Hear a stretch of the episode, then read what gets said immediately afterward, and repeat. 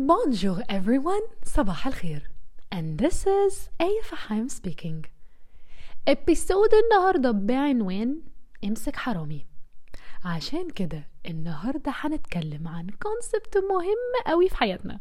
معظمنا بنتغافل عنه أو مش بناخد بالنا منه أساسا. وهو concept إحنا سرقنا إيه من الناس؟ واتسرق مننا إيه.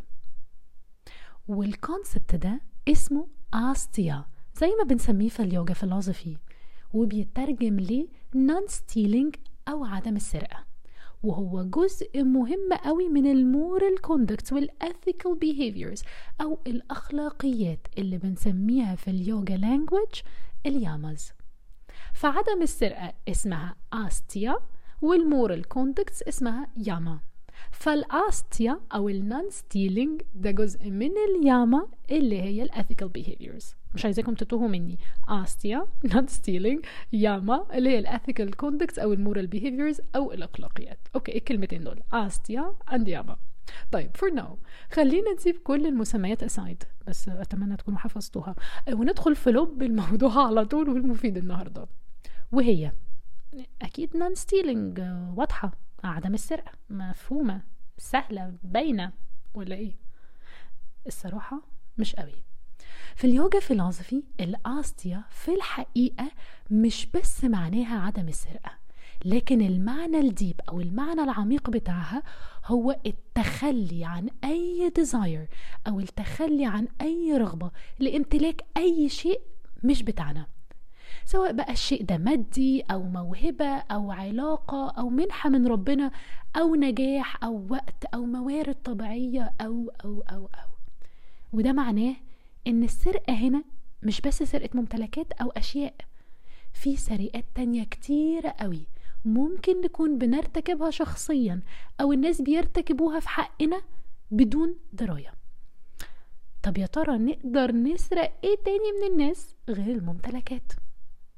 أول حاجة ممكن نسرقها كده أول حاجة كده ABC ممكن نسرقها هي إيه؟ سرقة الأفكار. تكون فكرة بتاعت حد أو مقال بتاع حد أو project أو أي حاجة بتاعت حد وأنا أخدها وأنسبها لنفسي من غير ما أديله أي credit في ده.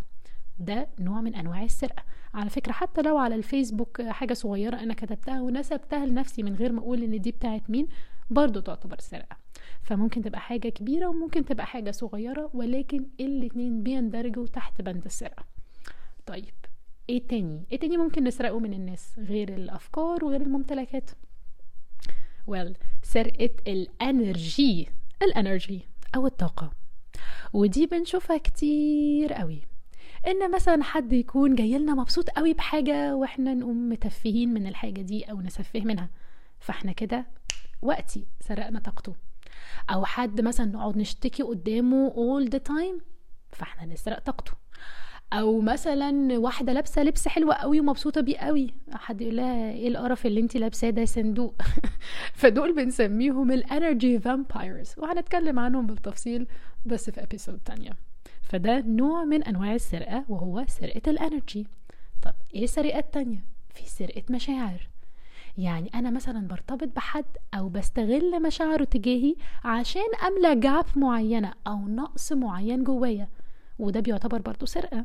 لأني سرقت مشاعر الشخص ده واستغلتها لمصلحتي ومشاعري تجاهه مش خالصة لله مش عشان أنا بحبه أو عشان خاطر أنا عايزة أبقى معاه لمجرد ملء فراغ معين جوايا أو في قلبي.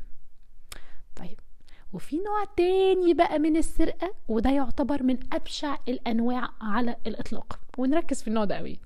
اسمه سرقة الوقت. وده بيعتبر من أبشع الأنواع لأن الكارما بتاعته كبيرة قوي. وده عشان الوقت اللي بيعدي ما بيرجعش تاني.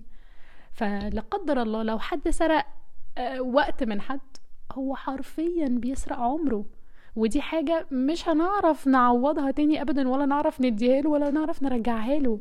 يعني لو أنا أخدت حاجة فيزيكال من حد ففي الأول وفي الآخر ممكن أتوب وأرجعها له وأستسمحه. حد أخد فلوس من حد يعرف يرجعها له ويرضيه بفلوس أكتر. حد أخد بيت حد أخد ايا كان إيه فيزيكال يقدر يرجعها ويستسمح ويتوب ويرجعها أكتر وهكذا لغاية ما يرضي الطرف التاني.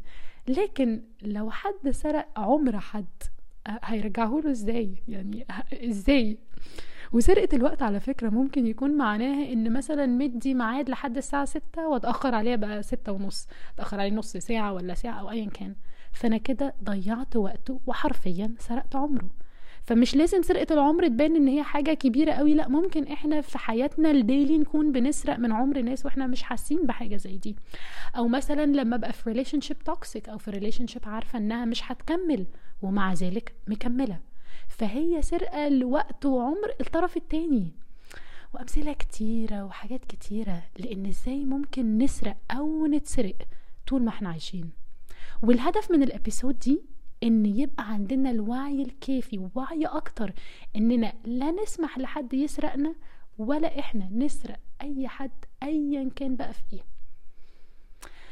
So ladies and gentlemen دمنا جميعا مستكفيين بالخير اللي معانا وكافيين الشر اللي جوانا Thank you so much for listening today and until I see you tomorrow in the next episode إن شاء الله